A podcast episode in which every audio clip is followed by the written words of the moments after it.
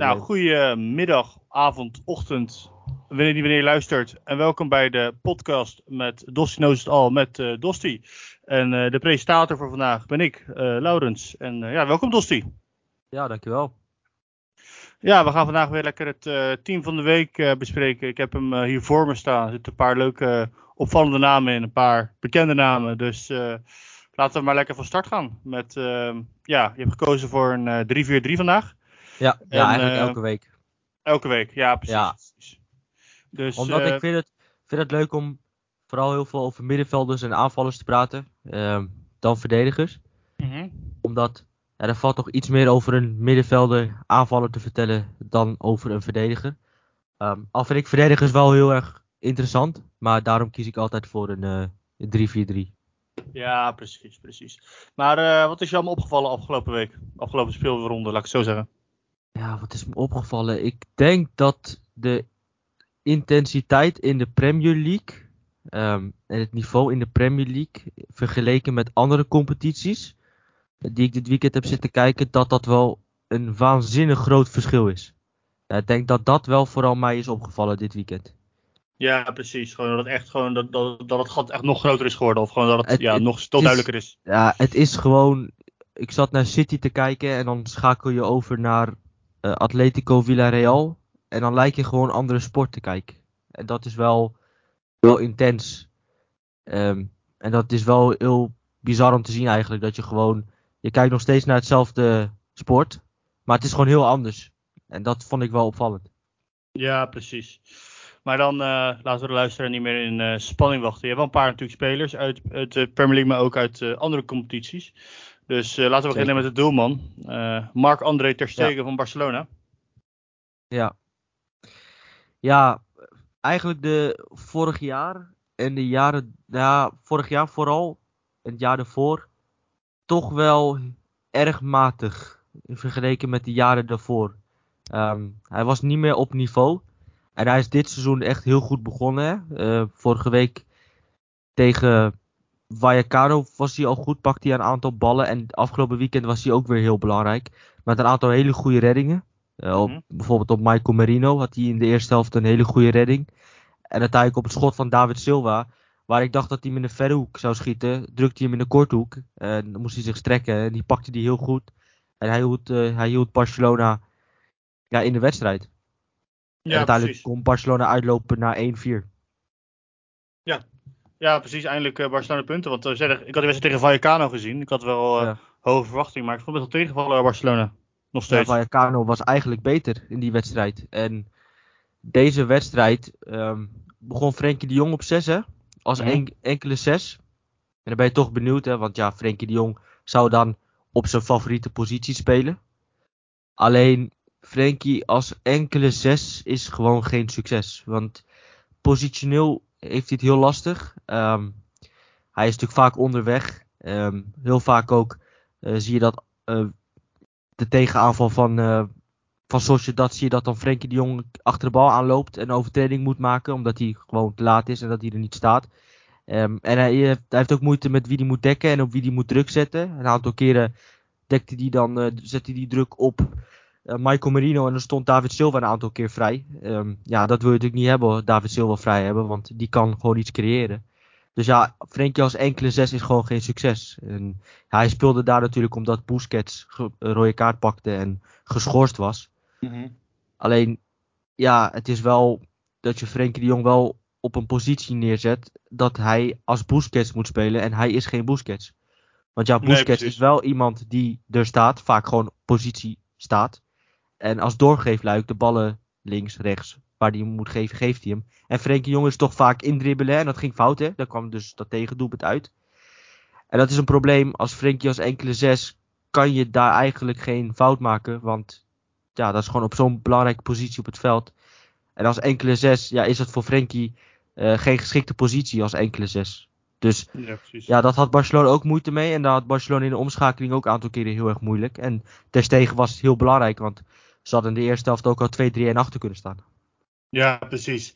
En natuurlijk die wedstrijd ook uh, Robert Lewandowski met uh, twee doelpunten. Eindelijk uh, los in de, in de division, in de La Liga. Dus ja, allemaal al een mooie overwinning voor, Ja, voor Barcelona. En natuurlijk Alejandro Balde, die een, van een van Ja. de eerste wedstrijden speelde. Ja, die gaf een assist al heel vroeg in de wedstrijd. Ehm, en ik vond vooral de invalbeurt van eh Fati en van Rafinha veranderde het spel wel. Eh, je zag dat er heel veel meer tempo, snelheid in kwam. eh, meer beweging in kwam. En dat was wel voor de wedstrijd en voor Barcelona wel heel belangrijk dat die twee invielen. En die draaiden de wedstrijd wel om voor Barcelona. Ja, precies. Dan gaan we denk ik naar de verdedigers. Dan gaan we denk ik beginnen met Armel Bella Kotschap van Southampton. Ja. Ja, dat is wel interessant hè, want Southampton begon het seizoen vrij matig hè. Ja. Zes tegengoals in twee wedstrijden. Ehm, ja, dan moest wat veranderen. En het trainer Hazenhutel na afloop van de wedstrijd ook ehm, ja, de defensie eigenlijk een compliment gegeven. Want hij vond dat de defensie heel goed stond. Ze kregen uiteindelijk zes schoten tegen, waarvan geen één op goal. Ze kregen wel een tegendoelpunt, maar dat was een vrije trap van buiten de 16. Dus het stond verdedigend veel beter. En ik vond deze Bella Kotschap samen met... eh, even kijken, wie stond er ook weer naast? Ehm hoe heet het? Sa Salissou stond ernaast. Dat eh, die twee samen eh, heel erg goed deden achterin. En waar die eigenlijk de hele wedstrijd geneutraliseerd hebben. Uiteindelijk had Bella Kotschap met een assist ook een aandeel bij de 1-1. Maar vooral het verdedigende aspect van hem vond ik heel erg goed. En ik ken hem natuurlijk al van Bochum, waar hij al indruk maakte. En deze stap naar Southampton was interessant. En dat hij dan mag starten en dat hij dan ook zo uitblinkt, dat vind ik wel heel knap in, je, in de Premier League. En al zo vroeg in het seizoen dat hij zich zo laat zien. En ja, hij was een van de beste spelers op het veld. Misschien wel de beste speler op het veld. En daarom heb ik Bella Kotschap gekozen, want ik vond hem echt indrukwekkend. Ja, ik ken hem eh, toevallig ook. Ik speel voetbalmanager. En daar is hij ook een heel groot talent. En eh, ja, ik, was ook wel benieuwd hoe hij zou doen vorig seizoen eh, bij eh Bochum. toen, toen ze promoveerden. En hij heeft zich echt staande gehouden. En hij was, dankzij hem, wil ik wel zeggen, zijn ze ook nog wel in de, in de, in de Bundesliga gebleven onder meer. Dus eh, inderdaad wel een verdiende stap ook voor hem naar eh, Southampton. Ja, dat hij het zo goed doet. En zeker omdat de eerste twee wedstrijden Southampton veel kansen tegenkreeg, veel goals tegenkreeg, was ik toch benieuwd hoe ze tegen Leicester zich staande eh, zouden houden. En ja, ik vond de verdediging heel sterk. En ja, wat ik al zei, als je nul schoten op goal tegenkrijgt, of nul grote kansen tegenkrijgt, ja, vrije trap buiten de 16. Alleen, ja, dat, dat is dan het enige wat je tegenkrijgt qua grote kans, is een vrije trap. Voor de rest verdedigend heel sterk. En dan op een gegeven moment dat ze achterkwamen, begon Southampton te voetballen. En toen zag je ook wel dat Southampton aardig kon voetballen. En dat ze die wedstrijd uiteindelijk omdraaiden. Met name Jay Adams, die heel goed inviel. Ja, is natuurlijk wel heel knap dat Southampton na de eerste twee wedstrijden zichzelf zo revancheert. En wie weet op tijd natuurlijk, want zondag of zaterdag komt Manchester United op bezoek. Ja, inderdaad een leuke wedstrijd. Ehm, dan gaan we naar de volgende toe. Ehm, Ko Itakura, eh, natuurlijk voormalig speler van eh, FC Groningen en City was hij gehuurd toen. Speelt Ja. nu bij eh, Gladbach. Ja.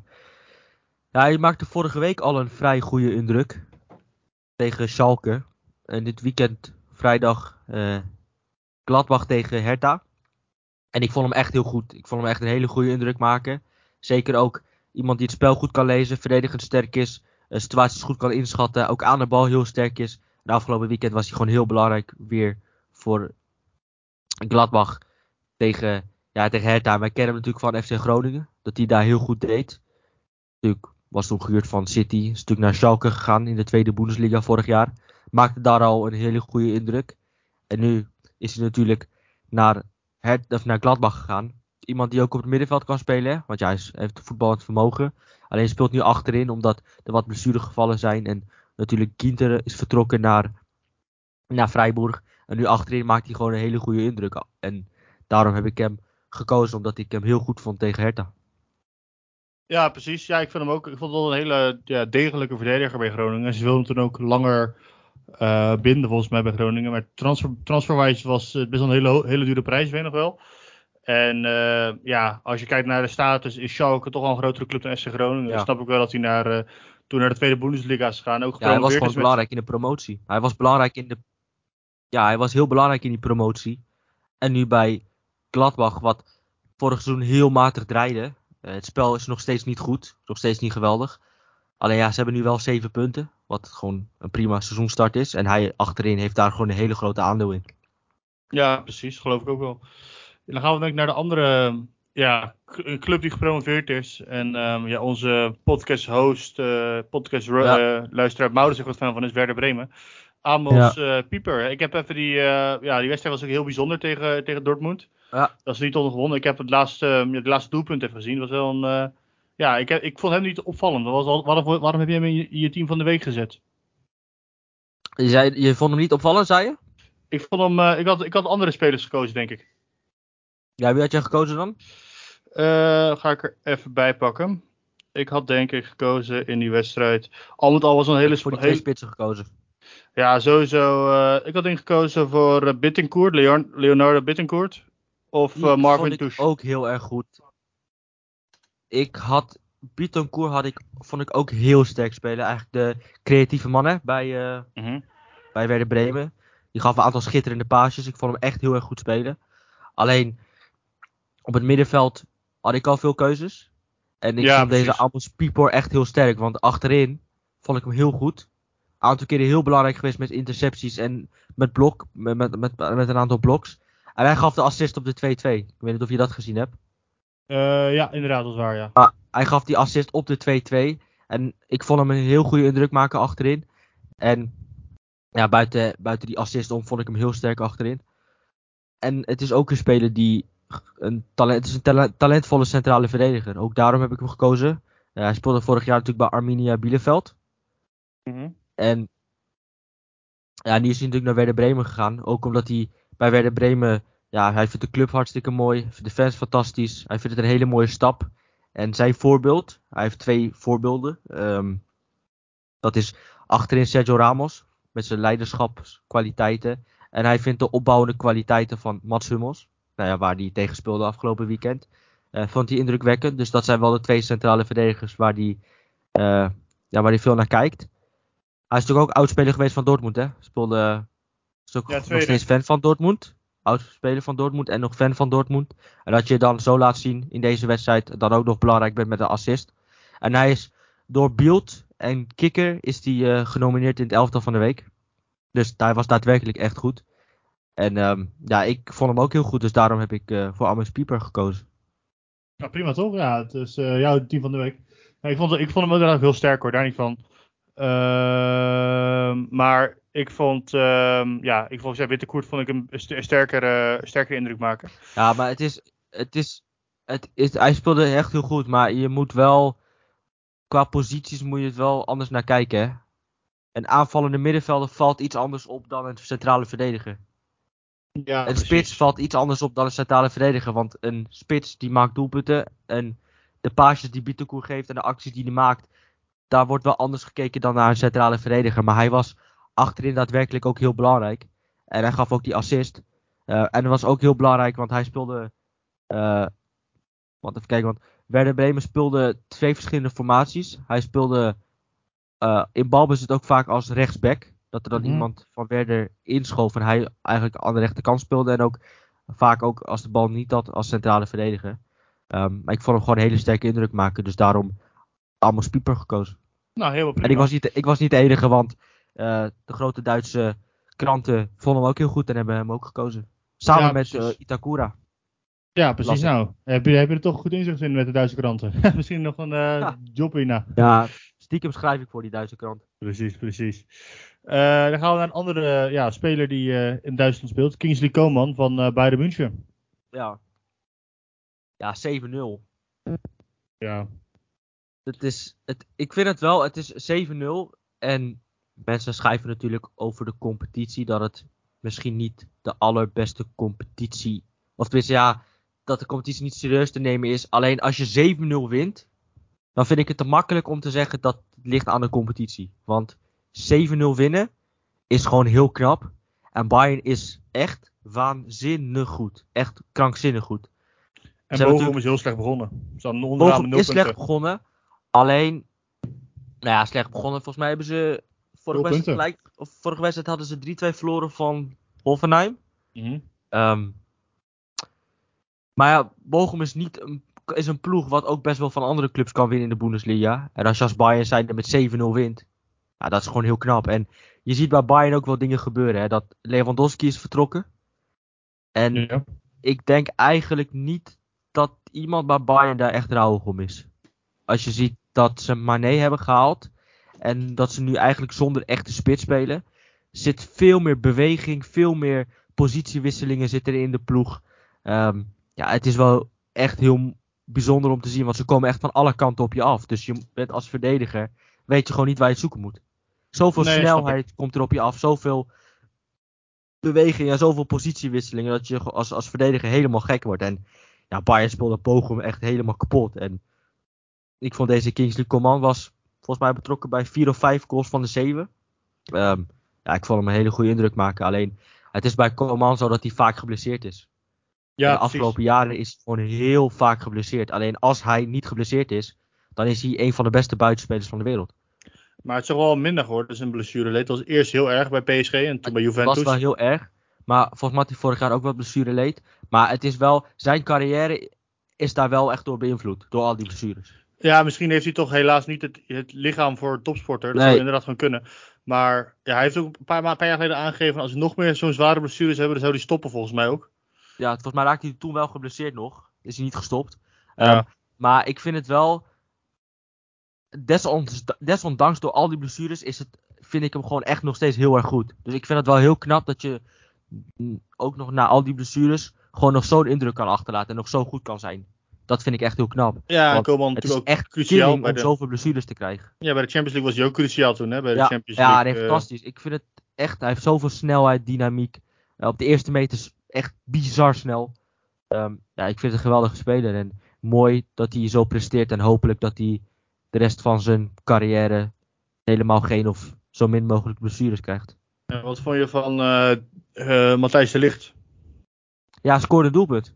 Ja, Scoorde een doelpunt. En ja, je hebt weinig van hem gezien eigenlijk. Omdat Bayern stond heel veel op de helft van de tegenstander. Het is alleen wel interessant hè. Want het is nu een heel ander, heel ander ja, manier van spelen voor hem. Dat hij bij Juve ja, eigenlijk heel erg veel in de eigen 16 stond. En eigenlijk niet zo heel veel deed behalve spits uitschakelen. En dat je nu bij Bayern, want ik zag Upamecano doordekken op de helft van de tegenstander, diep op de helft van de tegenstander. Ja, dat is wel, dat is wel wat je bij Bayern krijgt hè. Je gaat met ontzettend veel ruimtes in de rug spelen. Eh, doordekken tot aan misschien wel de 16 van de tegenstander. En het is wel interessant om dat in de komende wedstrijden te zien hoe de licht dat doet. Want ja, in deze wedstrijd tegen Bochum heb je in verdedigend opzicht heel weinig van de licht gezien. nee, precies. Maar het is belangrijk dat je er wel staat. Ik kan me een wedstrijd herinneren tegen Tsjechië, waar Matthijs de Ligt eh, defensief met heel veel ruimte terug niet echt goed eh, uit de verf kwam. De, de wedstrijd tegen Leipzig bedoel je? Nee, tegen Tsjechië, het EK voetbal. eh, van vorig, oh ja, ja, ja, toen, toen. Ja, ehm, weet je wat het is? Hij, bij Ajax was hij daarin heel goed. En Mhm. bij Juventus is het een hele andere manier van spelen geworden. Ook heel veel in de sportschool gezeten. Hij heeft veel te veel massa en daar moet hij van af. Ehm, hij moet weer die verdediger worden die, die die bij Ajax was. Want toen was hij wel heel goed in doordekken en met ruimte spelen in de rug. Daarin moet hij wel weer op niveau komen om dat weer te doen. Maar ik heb voor de licht alle vertrouwen dat hij dat weer gaat doen. En dat hij gewoon een hele belangrijke eh, centrale verdediger gaat worden voor Bayern. En zeker straks in de Champions League, waar hij echt getest gaat worden. Want ja, tegen Bochum is geen test. Nee, eens. Dus daar ben ik wel heel benieuwd naar. Helemaal eens. Dan gaan we denk ik eh, naar de volgende speler toe. Eh, ja, ook een, heeft een geschiedenis in de Bundesliga. Tyler Adams. Ja, Leeds 3-0 tegen Chelsea. Mooie Ehm, pot. Ik vond vooral, zei je? Ik vond het een mooie pot. Ja, het was een hele mooie pot. Ik zat Ajax te kijken, dus ik heb die wedstrijd teruggekeken helemaal. Eh, een paar dagen geleden. En ik vond vooral de intensiteit. En hebben het heel vaak natuurlijk in de Premier League over intensiteit. Die lag heel hoog bij Leeds. Hè. Hoog druk zetten. Ehm, ja, Chelsea geen seconde ruimte geven. Ja, Chelsea had het daar ontzettend moeilijk mee. En ik vond Tyler Adams daarin heel belangrijk. Hij was ook degene met eh, de meeste pressures. Dus het meeste aantal keer de druk zetten van alle spelers op het veld. Eh je zag dat hij gewoon heel belangrijk daarin was. Met heel vaak de ballen voorover, heel vaak druk zetten, ertussen komen. Eh, ook aan de bal prima. Eh, dus daarom heb ik Tyler Adams gekozen. Maar ik had eigenlijk bijna het hele elftal kunnen kiezen. Ik had ook Pascal Struik kunnen kiezen, die heel goed was. Eh, Harrison, Aronson. Ehm, maar ik heb deze Tyler Adams gekozen omdat hij in het druk zetten, vond ik hem heel bepalend. Ja, ik heb ook überhaupt het gevoel bij, ehm, bij Leeds. natuurlijk Jesse Martin was vorig seizoen in het midden een beetje over. En toen vond ik het nog heel erg ja, onstuimig, het voetbal. Maar nu uh, drie punten, uh, drie wedstrijden, zeven punten. Ik vind ze echt uh, heel sterk begonnen aan de competitie. Je ziet echt de hand van ja. Jesse March. Ja, zeker. Maar het is ook, hij komt natuurlijk uit die, uit die, um, uit die Red Bull concern. Hè? Mm -hmm. Hetzelfde geldt voor Tyler Adams. Die heeft bij, bij Leipzig gezeten. Daar is dat druk zetten en die intensiteit. Ja, dat past wel bij dat stijl van spelen van, van de trainer en van Tyler Adams. Dus daarom zie je ook dat Tyler Adams uitblinkt daarin. Omdat hij natuurlijk uit die Red Bull concern komt. En ook dat druk zetten bij Jesse Mars komt natuurlijk ook uit die Red Bull concern. Uh, dus je ziet de, daarin wel zijn hand natuurlijk van, uh, van Jesse March. En natuurlijk ook van Tyler Adams die daarin mee kan gaan. Omdat hij natuurlijk ook bij Leipzig vandaan kwam. Waar dat ook heel belangrijk was. Dat, dus daarom zie je ook wel de hand inderdaad van, van Jesse March daarin. En wat me ook opviel... Uh bij, uh, bij Leeds. Nu, nu uh, weet ook weer naar Barcelona is. Ik ben zijn naam kwijt. Rafinha. Rafinha merk je dat Rodrigo ook meer, zeg maar, ja, meer zich laat schelden bij Leeds. Rodrigo. Ja, Rodrigo, ik vind dat wel een hele interessante speers. Want Rodrigo maakt hele goede loopacties. Maar is ook iemand die ook heel veel werk verricht. Heel veel meters maakt. Ook in het druk zetten heel goed is. Uh, hij heeft nu drie wedstrijden, vier goals. Ja, dat had je bijvoorbeeld bij Rodrigo niet aanzien komen dat hij zo belangrijk zou zijn. Maar hij is nu inderdaad ja, eigenlijk de belangrijkste man in de aanval die de voor de goals moet gaan zorgen. En dat doet hij. Ja, helemaal eens. En ik vind Harrison vind ik ook echt fantastisch. Al jarenlang een hele, hele goede speler. En ik vind dat ze met Harrison ook een hele goede aankoop hebben gedaan. Hè? Ook iemand die heel erg goed is in druk zetten. Natuurlijk ook weer van die Red Bull concernen. Uh, ze doen gewoon hele goede aankopen die um, passen bij de speelstijl van de trainer. Hè? Want Aronson is ook iemand die in het druk zetten ook heel goed is. Ja, je zag het ook bij, bij dat eerste doelpunt, hè, waar man die in de fout ging, dat hij uh, ging druk zetten op de keeper. Dus ik vind dat ze ook qua aankoopbeleid en qua de speelstijl van de trainer, dat ze ook hele goede aankopen hebben gedaan met Tyler Adams en met Aronson. Ja, eens. Ik vind dat inderdaad ook. En natuurlijk Sinistera, die al voor ja, meer dreiging kan. Hele mooie goal gisteren. Trouwens. Ja, inderdaad. Die heb ik ook gezien, inderdaad. Alleen het wordt, het wordt wel lastig om Aronson of Harrison uit de basis te spelen. Nee, precies. Maar het is ook een heel ander soort speler, weet je wel. Als ja, het is een ander soort speler. Alleen, je moet wel kijken naar wie op die positie staan. En Harrison en, en Aronson, ja, die zijn niet heel makkelijk uit de basis te spelen. Ook omdat zij, Aronson natuurlijk ook heel erg goed past in dat systeem van, van um, het spelwijze van Jesse March. En Harrison die eigenlijk al jaren zo goed doet, die haal je ook niet zomaar 1, 2, 3 uit de basis. Eens, eens. Maar hij gaat natuurlijk wel genoeg kansen krijgen en hij gaat ongetwijfeld uh, uh, nog wel belangrijk zijn. Want Geloof ik ook inderdaad.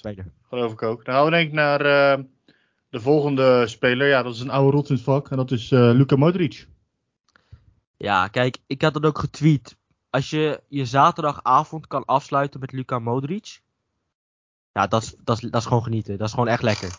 En ja, ik, ze hadden het best wel lastig hè, tegen Celta. Celta. Ik heb de eerste helft gekeken inderdaad. Ik vond het best wel gezapig inderdaad ik vond Celta eigenlijk best wel aardig in de eerste helft. Uh, speelde eigenlijk best wel goed. Uh, ze hadden het ook heel erg moeilijk met die spits, hè, Pacentia. Mm -hmm. en ze hadden ook uh, die Gavi Gayan, die linksback van Celta, die kwam heel vaak mee op. Had ze ook heel veel moeite mee. Alleen, je ziet dan wel dat zo'n iemand als Luka Modric, ja, dan wel uit het niets gewoon iets kan creëren, weet je wel. Je zag het, hè, dat hij toen, dat hij... Ja, die goal. Ja, die goal, Tapia. Hoe die Tapia laat, laat struikelen en die bal dan inschiet. Ja, dat is wel echt kwaliteit, klasse van Luka Modric, die bijna 37 wordt. En dan op dat niveau nog dit laat zien. Ja, dat is waanzinnig. Ja, als een, als een veldheer loopt hij over het veld, zeg maar, ja, een beetje. Gewoon een beetje het is geweldig. Het is een geweldige speler. En hij gaf ook die geweldige assist op Vinicius in de tweede helft. En wat ik vooral ook vind is ja, de manier van bewegen op, over het hele veld heen. Op zoek naar ruimtes, aan de bal. Ja, uh, inzicht hebben, creëren het is zo'n geweldige speler dat Real Madrid kan niet zonder hem. En wij als voetbalkijkers kunnen ook niet zonder Modric. Nee, eens. eens. Maar ik vind wel het mooie aan Real Madrid dat ze wel goed aan het uh, doorstructureren zijn. Met Tchouameni natuurlijk en uh, Camavinga hebben gehaald. Maakt dus een goede indruk allebei. Um, die, moet nog, die kan nog wel beter natuurlijk. Moet ook wel beter. Komt natuurlijk ook wel met de wedstrijden en de jaren. Maar hij was wel heel belangrijk in het veroveren van ballen. Waar natuurlijk een aantal goals uitkwamen in die wedstrijd. Dus ik vond hem best wel een goede indruk maken in die wedstrijd. Eens, als, uh, eens. Kamavinga maakt ook een uh, goede indruk. Helemaal eens. Dan gaan we denk ik uh, naar de volgende speler. Dat is Eze van Crystal Palace. Ja, dat, vind ik, dat vind ik nou zo'n mooie voetballer. Dat vind ik nou zo'n fantastische voetballer. Die ook aan de buitenkant kan spelen. Maar nu eigenlijk op het middenveld speelt. Op de plek van Conor Gallagher. Hè? Die Mhm. vorig jaar een hele goede indruk maakte bij Crystal Palace. Natuurlijk nu weer naar Chelsea teruggegaan. En ook speelt, vind ik wel opvallend. Zei je? Wel mooi dat, dat, dat hij ook wel minuten maakt bij Chelsea. Ja, ja, dat kwam natuurlijk wel door de blessure van Kante. Hè? Dat Ja, oké. Maar ja, hij, pakt, hij pakt wel zijn kans. Chelsea hij pakt wel zijn kans. Chelsea, Chelsea had ook een hele andere speler kunnen kopen, bij wijze van. Ja, Kovacic is natuurlijk ook geblesseerd. Hè? Ja, dat is ook Ze zo. hebben twee blessuregevallen. Maar deze, ik vind Conor Gallagher een fantastische speler hoor. En ik hoop eigenlijk dat hij de stap maakt naar een andere club. Dat hij gewoon een heel seizoen gaat spelen. Want zo'n mooie voetballer moet spelen. Maar ja, over Eze. Hij speelt natuurlijk op die plek. En wat je met hem krijgt, is, eh, ja, het een geweldige dribbelaar. Dat hij zich soms, en het kan ook vaak fout gaan. En het gaat ook wel eens fout. Maar dat hij zich uit hele penibele situaties kan spelen. Door zijn dribbles, door zijn acties. Waardoor ook die goal uitkwam van, eh, van Zaha. Het is iemand die gewoon ook op eigen helft gewoon gaat dribbelen en mensen uitspeelt. Waardoor hij een man meer situatie kan creëren. En dat vond ik hem daarin echt heel goed weer. En hij was tegen Liverpool ook heel goed. Hè? Gaf die assist op eh, Zaha. En die twee wedstrijden op rij heel goed op het middenveld. En pff, hij is natuurlijk geblesseerd geraakt. Maar toen hij bij, ehm, volgens mij speelde hij, waar speelde hij ervoor? Eh, QPR. QPR, ja. Daar maakte hij al een hele goede indruk. En toen hij naar Crystal Palace ging, maakte hij eigenlijk ook al een hele goede indruk. Raakte geblesseerd. Zwaar ook, Is- ja. Ja, is nu weer terug op de plek van Conor Gallagher. En dat hij dan zijn acties maakt, ook durft de acties te maken, ook eh, als middenvelder. Want dat is toch wel gevaarlijk, hè. Want eh, als de acties mislukt, en dat gebeurt ook wel eens, ja, dan is eh, de kans op een tegenaanval heel groot. Dus de vraag is hoeveel trainers van grote clubs zouden zoiets ehm, ja, accepteren. Om zo'n speler daar neer te zetten. Ehm, en ik vind het wel knap dat Vieira dat dan wel durft. En dat dan vaak ook goed uitpakt. Hè? Zoals afgelopen weekend dat het goed uitpakte. Dat hij een aantal man passeerde. ehm, ja, waardoor, waardoor Zaha in de ruimte werd gestuurd. Ehm, alleen ja, ik denk dat heel veel grote trainers er toch misschien anders naar kijken. Omdat je het dan toch te riskant is. Want hij neemt wel echt heel veel risico in zijn spel.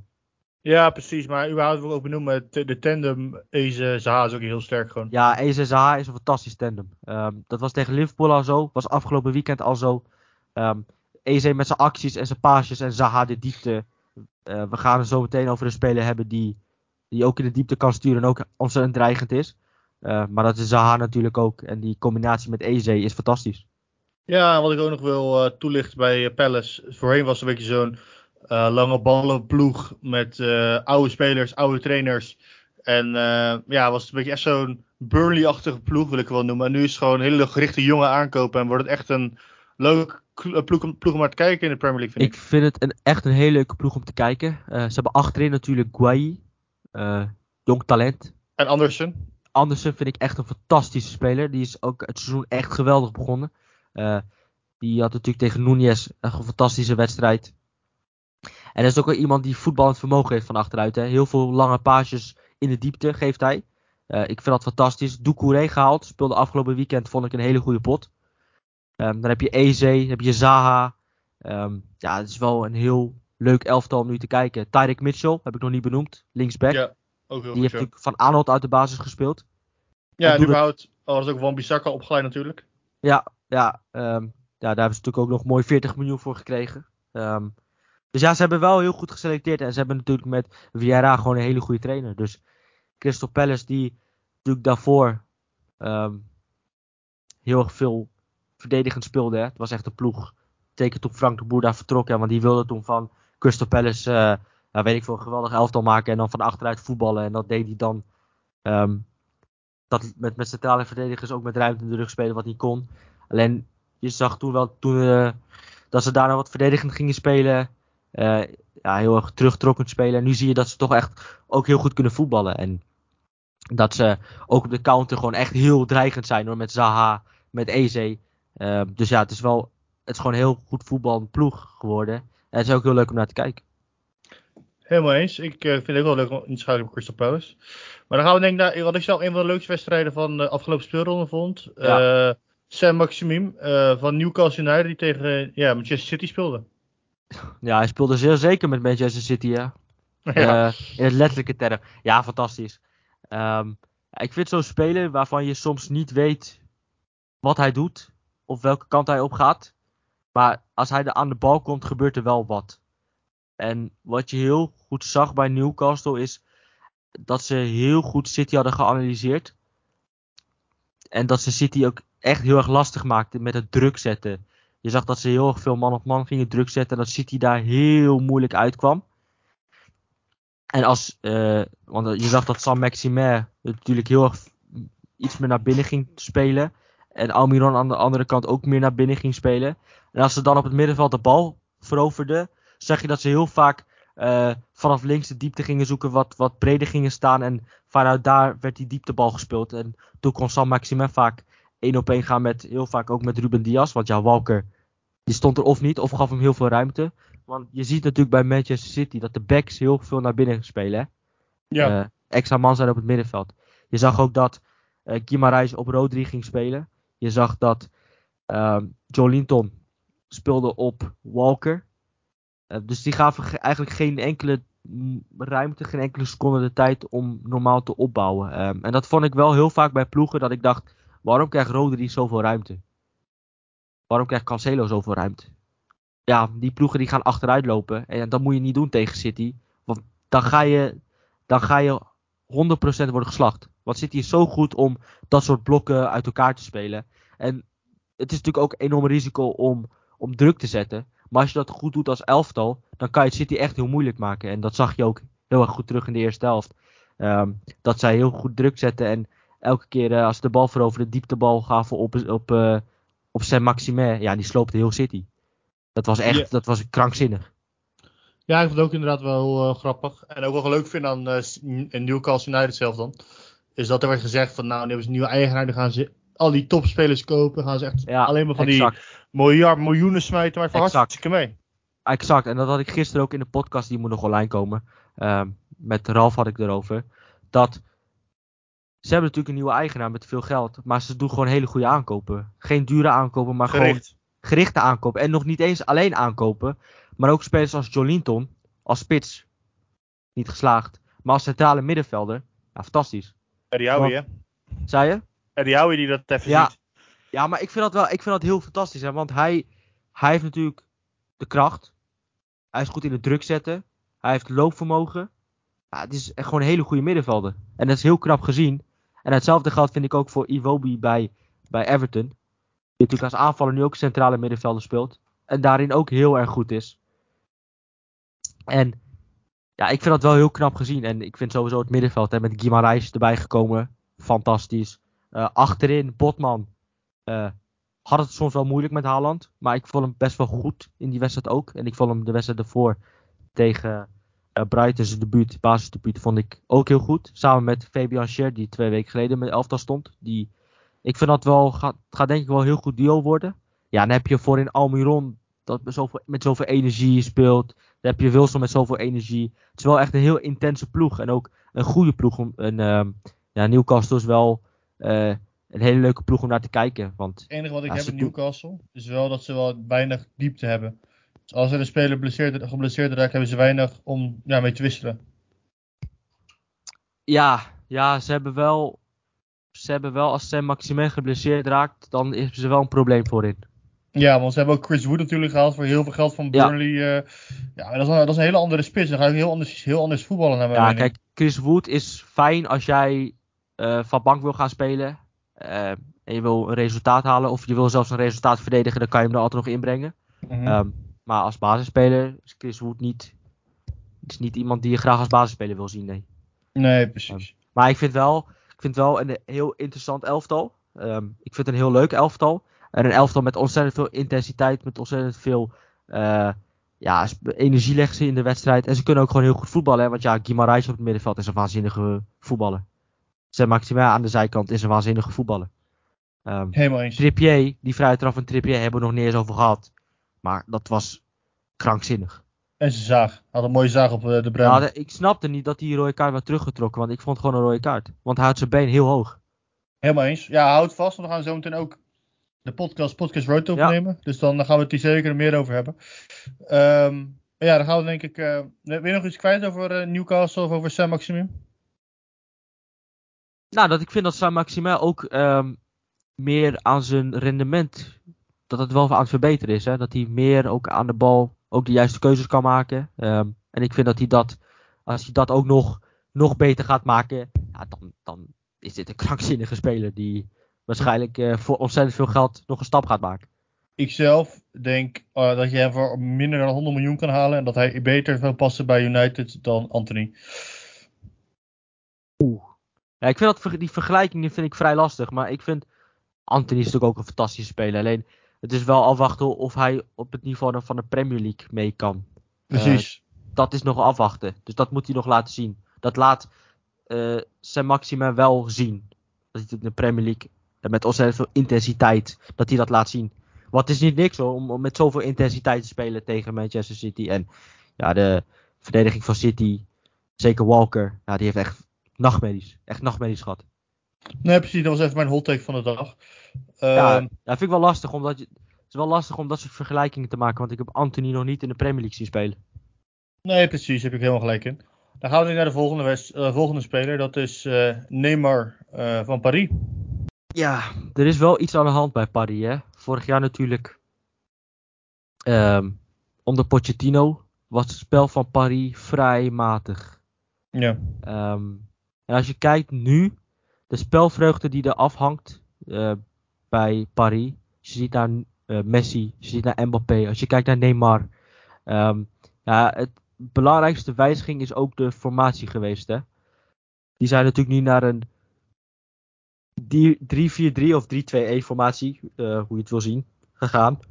En je ziet dat heel veel spelers ook in hun kracht komen te spelen. Als je kijkt naar uh, Sergio Ramos, die nu in een driemansformatie speelt. Ja, dat is toch fijner voor hem dan in een tweemansformatie natuurlijk, op die leeftijd.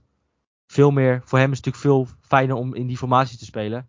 En als je kijkt naar Hakimi, als je kijkt naar Nuno Mendes, als zij als wingback kunnen spelen en ook heel veel kunnen aanvallen, ja, dat zijn hun kwaliteiten. En dat is ook terug te zien in assists, in goals. Uh, bij Nuno Mendes en bij Hakimi. En je kijkt naar Neymar. Dus rond Neymar is natuurlijk veel gebeurd de afgelopen zomer. Want uh, hij mocht vertrekken. Misschien wilden ze ook wel dat hij vertrok. En dat heeft Neymar ook wel getriggerd, denk ik, vermoed ik.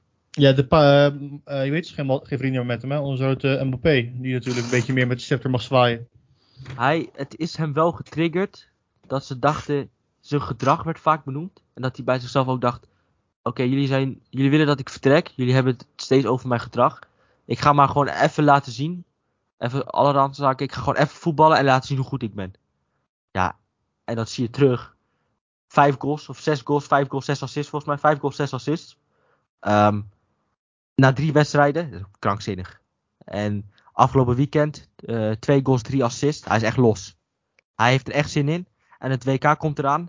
Als je kijkt naar Messi, die heeft er ook ontzettend veel zin in. Ja, het is wel een elftal. We hebben natuurlijk over Bayern München gehad. Maar Paris is natuurlijk ook gewoon een bizarre elftal. En ze hebben natuurlijk nu met Gauthier hebben ze natuurlijk echt een geweldige trainer. Die de jongens ook raakt. De jongens ook beschermt. En je ziet ook, en dat viel me op in de tweede helft, dat Neymar op eigen helft een tackle inzet om een bal te veroveren. Bij 6-1, 7-1. Ja, dat is wel bizar. En dat is, vind ik, ook wel de verandering bij Paris dat Neymar op eigen helft een tackle neerzet bij een 6-1 stand. En dat viel me wel echt op.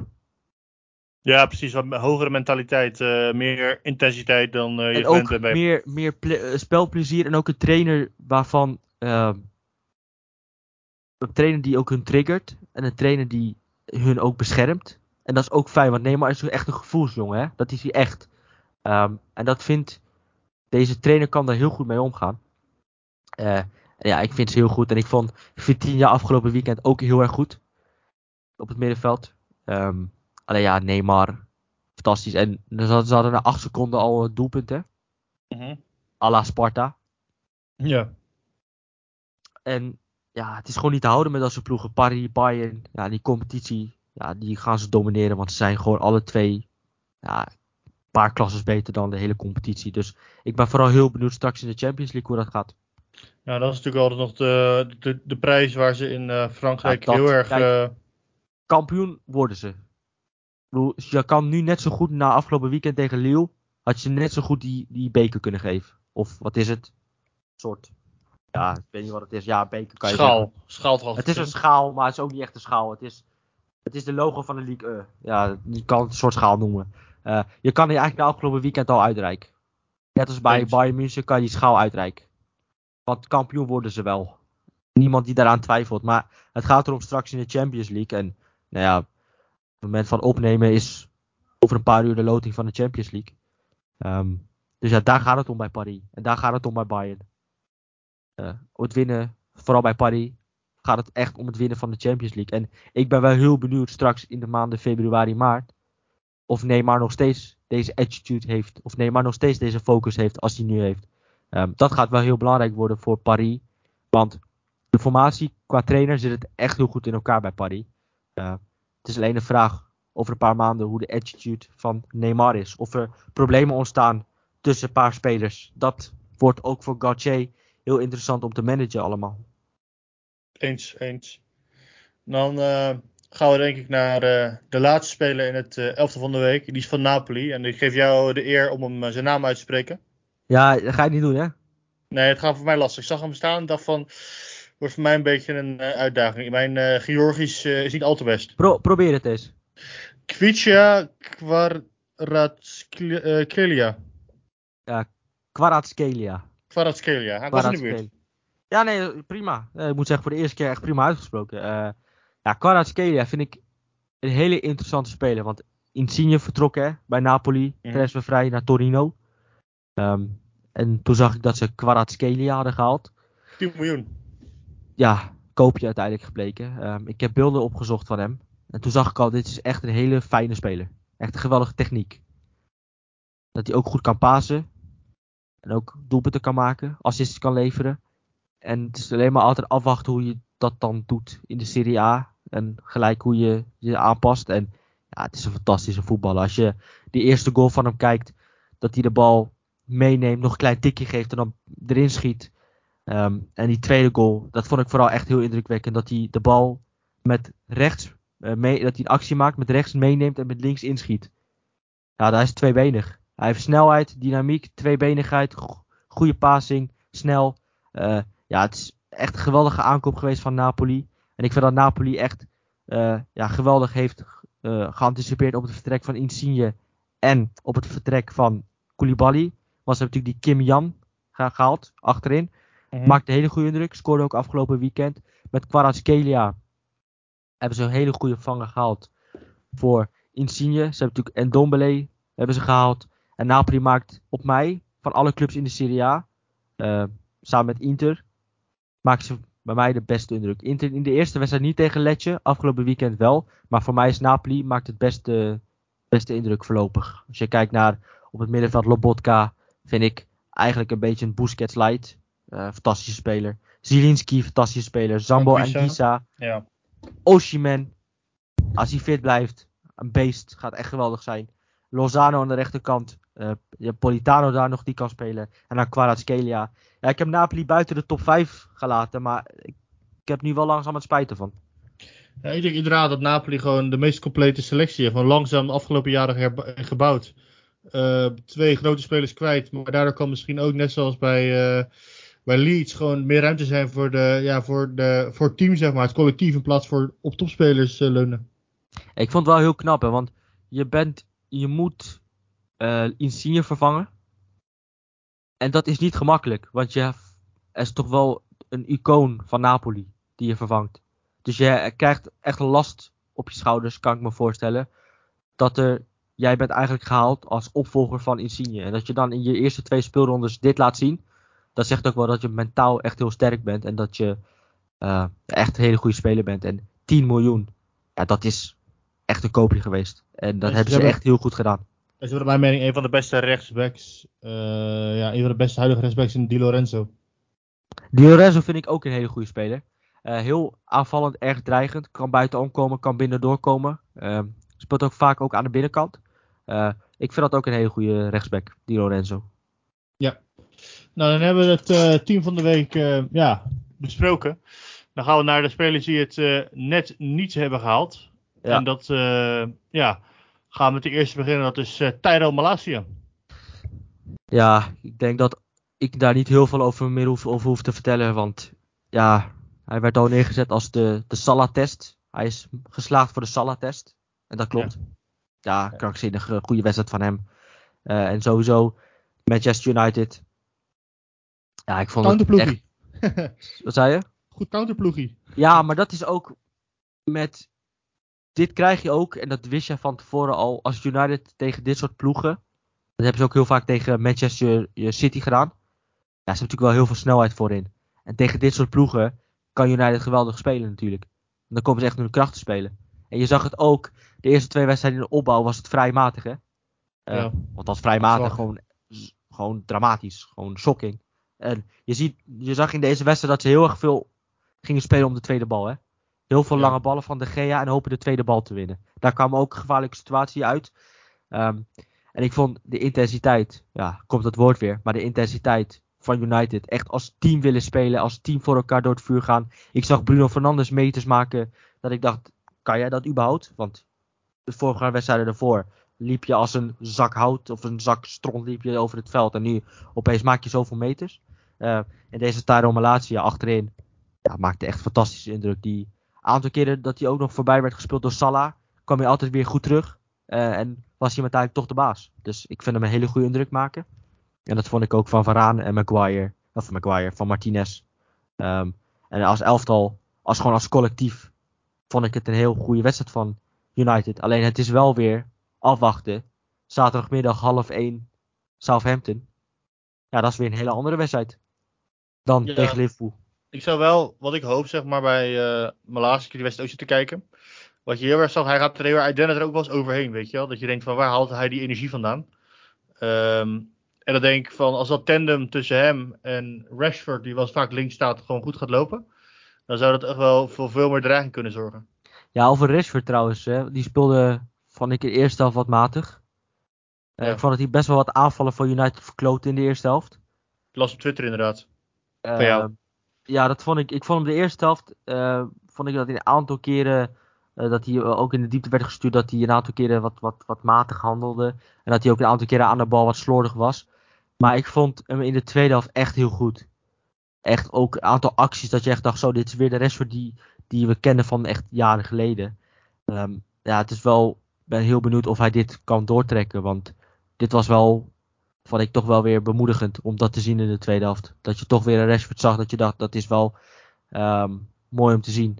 En natuurlijk United nu bezig met een links en een rechts buiten te halen. Mm uh, ik ben heel benieuwd hoe, wat dat gaat betekenen. Maar ja, Rashford is natuurlijk tijden heel, heel matig geweest, heel slecht geweest.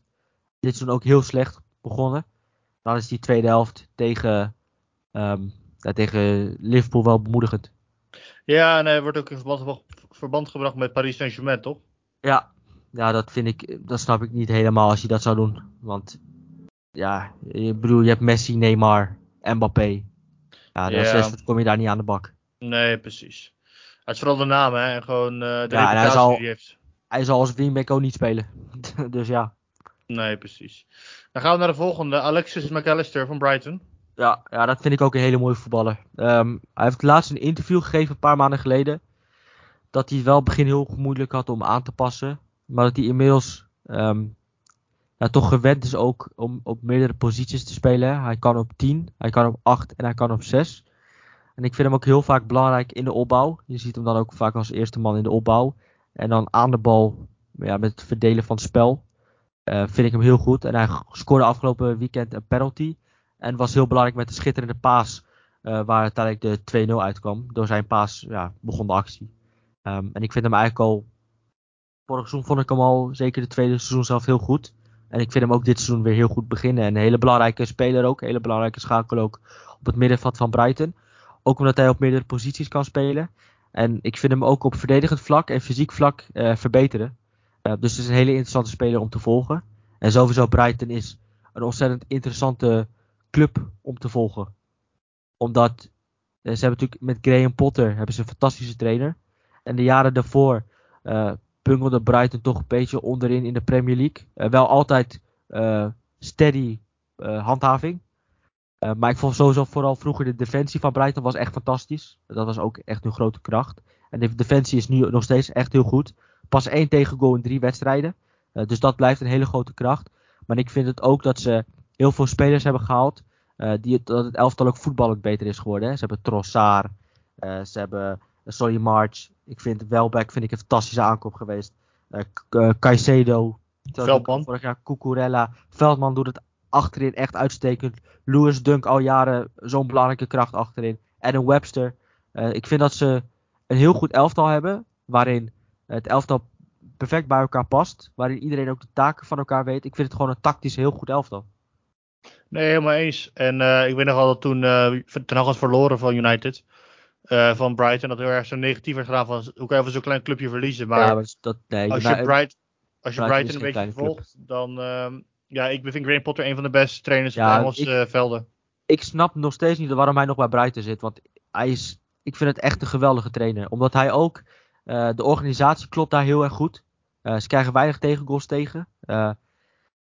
ja, en ik vind dat, dat ja, het zijn drie wedstrijden één tegendoelpunt. Um, ik vind Graham Potter een geweldige trainer. En ik, ik zou me, het, zou, het zou mij verbazen als hij zijn hele leven bij Brighton blijft. Want, nee, ik zie, hij, hij voor mij ook ja, voor mij was hij wel echt duidelijk van hij wil echt een grote stap naar boven maken.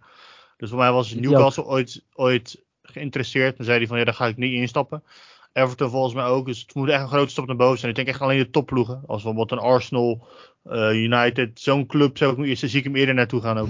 Ja, Arsenal zie ik niet zo snel gebeuren. Want ze nee, hebben met bij, Arteta bij nu een hele goede trainer. Um, ja, misschien hadden ze misschien hadden ze United voor hem kunnen gaan. Ja, ze hebben natuurlijk Ten Hag nu. Maar ik denk dat Graham Potter bij United ook wel. Uh, omdat hij ook in de organisatie heel goed is. En dat bij United toch wel. Ja, afgelopen weekend tegen Liverpool dan wel. Maar is niet altijd even goed natuurlijk daar. Helemaal eens, helemaal eens. Dan gaan we naar uh, de laatste opvallende speler. Of die, heeft, die is opgevallen. En dat is uh, Florian Sotoka. Ja, die stond twee weken geleden ook in mijn elftal. Um, toen had hij drie goals. Of vier goals. Uh, drie, volgens mij drie goals. Of Misschien wel vier goals. maar in ieder geval maakt niet uit. Um, ik heb hem dit keer gekozen. Terwijl hij geen goal of assist had. Um, maar ik heb wel gekozen omdat ik. Lans is natuurlijk dit seizoen heel goed begonnen.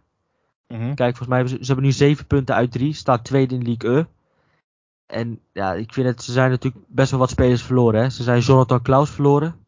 Die is naar Marseille gegaan. Ze hebben Sheikh Doucouré verloren. Die is naar Palace gegaan. En ze hebben nu op de rechterkant hebben ze Frankowski, uh, die vorig seizoen al best wel prima indruk maakte. Vaak aan de linkerkant, maar ook wel eens aan de rechterkant spelend. Nu speelt hij gewoon op zijn positie aan de rechterkant, doet het heel goed. En deze Soto K vind ik heel belangrijk in het aanspel, in het spel van, um, van Lans. Want als je naar hem kijkt, hij is vrij lang. En je zou niet denken dat hij uh, voetballend heel goed is. Maar hij is voetballend echt heel erg goed. Als je gaat kijken naar, hij zakt ook heel erg vaak uit vaak tot aan het middenveld zelfs. Uh, is daar iemand die ook nog uh, meters aflegt, ook nog uh, verdedigend werk doet bij tijden. En ook iemand die voetballend heel sterk is. Ik gaf hem, hij gaf een aantal schitterende paasjes in die wedstrijd. En dat vond ik ook al in die eerste wedstrijd. Iemand die als aanspeelpunt kan spelen, iemand die kan doorvoetballen, iemand die het voetballend vermogen heeft, kopsterk is. En ondanks dat hij geen goals of assist had, vind ik hem in het aanvalspel heel belangrijk. Want hij gaf de paas waar de 0-1 uitkwam. Hij gaf de voorassist. Um, en hij heeft ook een hele goede klik met Openda. Uh, die natuurlijk die bij Vitesse heeft gezeten. Hij gaf in een interview zelf aan van... Um, ja, met sommige spelers heb je eigenlijk gelijk een klik. En dat had ik al met Openda. Want uh, wij kunnen elkaar heel goed vinden. Want Openda met snelheid kan er overheen gaan. En, dan kan iemand als Sotoka, die dan ja, uit de spits weg kan duiken, ruimte kan creëren, kan uh, Openda daarin duiken. En Sotoka heeft ook de voetballende vermogen om, dan, om hem dan te bereiken. En dat zag je in die wedstrijd ook heel goed terug. Uh, dus ik vind Sotoka ja, aan het seizoen heel erg goed begonnen. Ondanks dat hij geen goals of assist heeft, is hij in het aanvalspel heel belangrijk. En het is ook een speler die zich opoffert aan het team. Hij heeft ook zelf in een interview aangegeven dat hij wel graag wil scoren, want het is een spits. Hij, de spits wil graag doelpunten maken. Maar voor hem is het aller, allerbelangrijkste het team. En dat uh, team wint. En wie er dan scoort, is dan, vindt hij dan niet belangrijk. Ja, dan ben je wel echt een teamspeler. En dat laat hij ook in wedstrijden zien dat hij echt voor het team heel belangrijk is. Dus daarom deze Florian Sotoka voor de tweede keer in drie weken tijd. Nou, dat doet hij toch ergens heel goed. En het is een uh, mooie, mooie mensje voor hem. Zeker. Dan gaan we naar, uh, je hebt al heel even kort benoemd, de trainer van, uh, van de week. En dat is ja. Galtier van PSG. Ja, ik had eigenlijk, eigenlijk had ik wel voor Jesse Mars moeten gaan. Alleen volgens mij heb ik nu twee weken op rij een Premier League trainer gedaan. En nou, daarom dacht prima. ik, nu tijd voor een andere trainer. Dus daarom ben ik voor Galtier gegaan. Als je 7-1 wint um, en het, ja, het, het, het, de hele sfeer zo veranderd hebt als trainer, dan ben je echt heel goed bezig. En Galtier is een hele goede trainer, is met Lille kampioen geworden. En ja, nu bij Paris, de juiste man op de juiste plek, die spelers kan triggeren, die goed over spelers kan praten. Ook de formatie die hij heeft neergezet is heel goed. Het staat veel beter bij Paris. Um, hij durft ook spelers de kans te geven. Jonge Vitinha, die hij de kans geeft, die het heel erg goed doet. Um, ja, de aanvallers die hij kan triggeren ook. Dat ze ook soms verdedigend werk doen. Hè, ballen veroveren op eigen helft van de tegenstander. Uh, ik vind Gauthier een fantastische trainer en dat hij het fantastisch doet. Dus daarom wilde ik hem even een kleine, uh, ja, kleine SO geven. Een kleine waardering geven. Nou, vind ik uh, mooi gezegd, Dosti. Zijn er nog verdere zaken die je wil bespreken? Nou, ik hoop uh, dat uh, dit weekend weer een uh, mooi weekend wordt. Want er staan ook weer een aantal hele mooie wedstrijden op het programma. We hebben... Morgen hebben we al een hele mooie wedstrijd met Lazio tegen Inter. Wordt leuk. Dat is heel mooi. Ja, sowieso een heel mooi, mooi weekend dit weekend. Want we hebben ook zaterdag de terugkeer van Dybala bij, bij Juve. Wat heel mooi is natuurlijk. Ja, wat ik al zei, Southampton United is een hele mooie wedstrijd die we hebben. Um, we hebben ook Bayern München tegen Gladbach. Dus het is weer een heel mooi weekend. Dus uh, ik zou iedereen aanraden om, uh, om weer lekker de tv aan te zetten. Of de iPad of de laptop of wat dan ook. En lekker voetbal kijken. Yes. Want we hebben ook een midweekse speelronde. Dus we hebben vanaf morgen tot aan uh, volgende week maandag. Dus niet deze maandag, maar de maandag daarna elke dag voetbal. En natuurlijk, de transfer deadline day komt eraan. Dus er wordt ook nog uh, heel veel gehandeld, denk zeker. ik, in, uh, in Europa. Dus het wordt zeker. allemaal al een lekkere chaos uh, de komende week. Het wordt zeker chaos, maar ja, dat is leuk. Precies.